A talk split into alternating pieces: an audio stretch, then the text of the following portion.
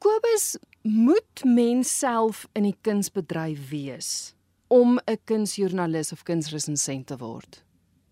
Nee, weet jy, dit is dikwels wat 'n mens sien, dan sê mense maar ehm um, jy's 'n boekresensent, jy skryf nou 'n resensie oor 'n boek, maar jy het nog nooit self in jou lewe uh, 'n boek geskryf nie.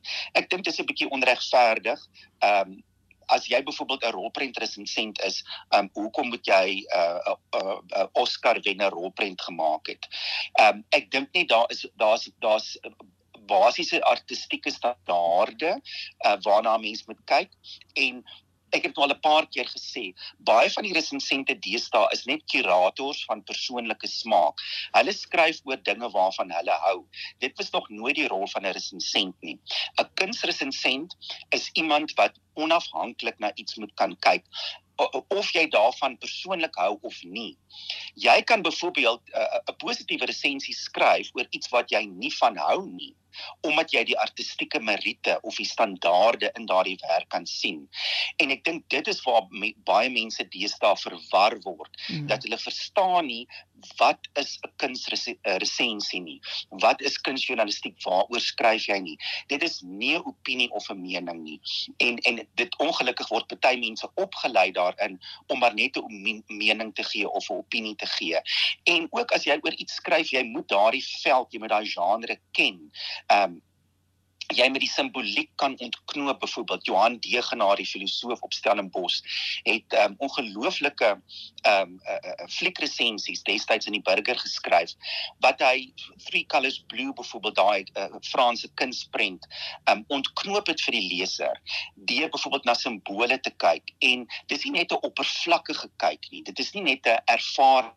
Was dit nou vir my lekker of nie nee jy moet dieper delf veral as jy 'n resensent is So is dit iets wat ek kan neem aan aangeleer moet word want ja, almal het deesdae 'n opinie en om jou persoonlike opinie te skei van soos jy nou sê die art, die artistieke eh, vermoë van dit wat op die verhoog aangebied word. Is dit iets wat mens aanleer? 'n Mens moet jy, jy moet eintlik deur 'n leerskool gaan en jy moet jy moet jouself blootstel en jy moet ook ander resensente lees. Jy moet lees wat skryf resensente, hoe skryf hulle, hoe verwoord hulle dit. As jy byvoorbeeld kyk na die die Britse tydskrif Sight and Sound, ehm um, wat 'n rolprent tydskrif is, baie interessant wat hulle doen. Hulle skei die resensie van die storie. So daar's uh, uh, een blad en twee dele. Die een deel is net die kritiek of die die analise van die rolprent en die tweede deel is dan net 'n opsomming van die verhaallyn of die storie. Wat jy ook dikwels vind in resensies, dat mense bloot die storie vertel of hulle sê waaroor dit gaan of party resensente skryf oor hoe die gehoor reageer het. Dit is nie 'n resensie nie. So dit is maar 'n kuns, 'n vorm glo ek. Dit dit is 'n kunsvorm wat jy beoefen. Soos jy dan ook klavier speel, want jy moet oefen om klavier te speel. So ehm um, mens moet maar daai ervaring opdoen ehm um, en leiding kry van van van mense met kennis wat vir jou sê, maar het jy hierna daarna gekyk? Jy weet as ek met Woutrin Tron aktrise praat en ons was saam in 'n toneelstuk. Dan sê sy vir my maar iets het nie gewerk in die toneelstuk nie. Ehm um, hoekom dit dit dis asof dele nie bymekaar gekom het nie. En dan sit ons en ons debatteer, ons kyk wat het fout gegaan en dit is ook eintlik maar die rol van die resensent. Ehm um, ek weet van van een regisseur hier in Johannesburg wat uh, na my resensie 'n toneelstuk verander het.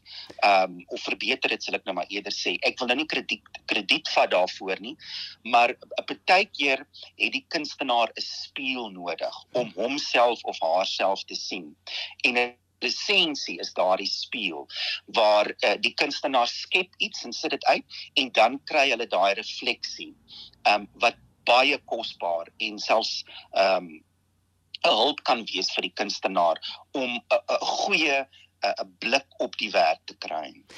Ek is so bly jy jy antwoord dit want my vraag was wat is die doel van 'n resensie? En is so ek meen as mens so betrokke is by 'n produksie dan is jy so nou betrokke dat jy wat Terrence April het altyd gesê you have to kill your darlings en as mens so betrokke is dan is dit nogals moeilik om dit te doen.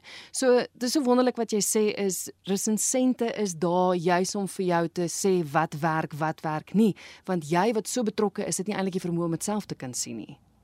Nie altyd jy so in hmm. daardie projek of in daai skepping dat jy nie altyd um, alles sien nie en nou sê ek nie 'n res, resensie is net vir die kunstenaar bedoel nie ja. dit is ook vir die gehoor want die gehoor baie keer verstaan nie ehm um, daar's nou op Netflix Leave the World Behind en en mense is so verdeeld oor hierdie rolprent 'n goeie resensie gaan jou daai rolprent beter laat verstaan Hmm. Ehm um, jy's dalk geïrriteerd ehm um, met die rolprent of wat ook al en so. Dis ook 'n rol van van die kunstenaar om baie keer die gehoor ongemaklik te maak. Hoekom is die gehoor ongemaklik? Ehm um, wat is die doel daarvan? Kuns is nie net vermaak nie. Kuns is nie net lekkerte nie.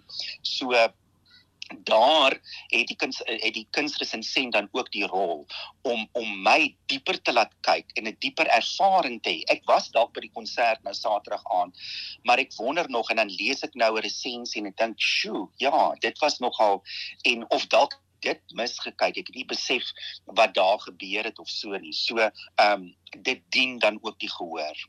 Maar wat maak dat 'n resensent geloofwaardig is?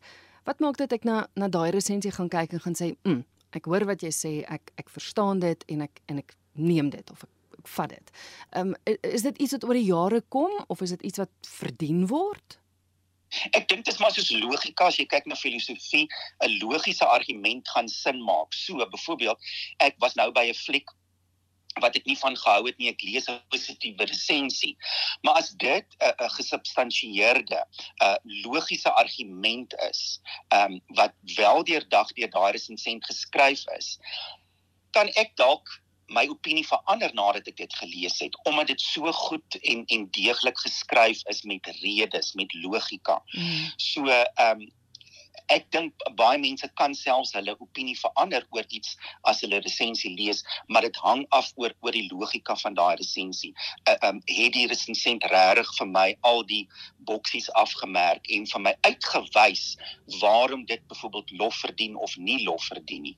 En dit is 'n helse taak van die resensent om dit te kan doen. Dit is nie um die Engelsman praat van flippend. Dis nie net 'n flippend kommentaar, 'n vinnige 'n dingetjie nie. Jy moet regtig tyd spandeer en en 'n goeie resensent moet tyd spandeer om te sit en skryf en en en daai resensie te skryf. 'n Joernalis wat fokus op die kunste is nie noodwendig ook 'n resensent nie, né? Nee, ek sou dit sê dit is 'n kunsvorm wat jy aanleer. Ehm um, kunsjournalistiek kan wees 'n onderhoudvoering of die skryf van berigte, maar maar die kunsvorm kom by by die skryf van 'n resensie.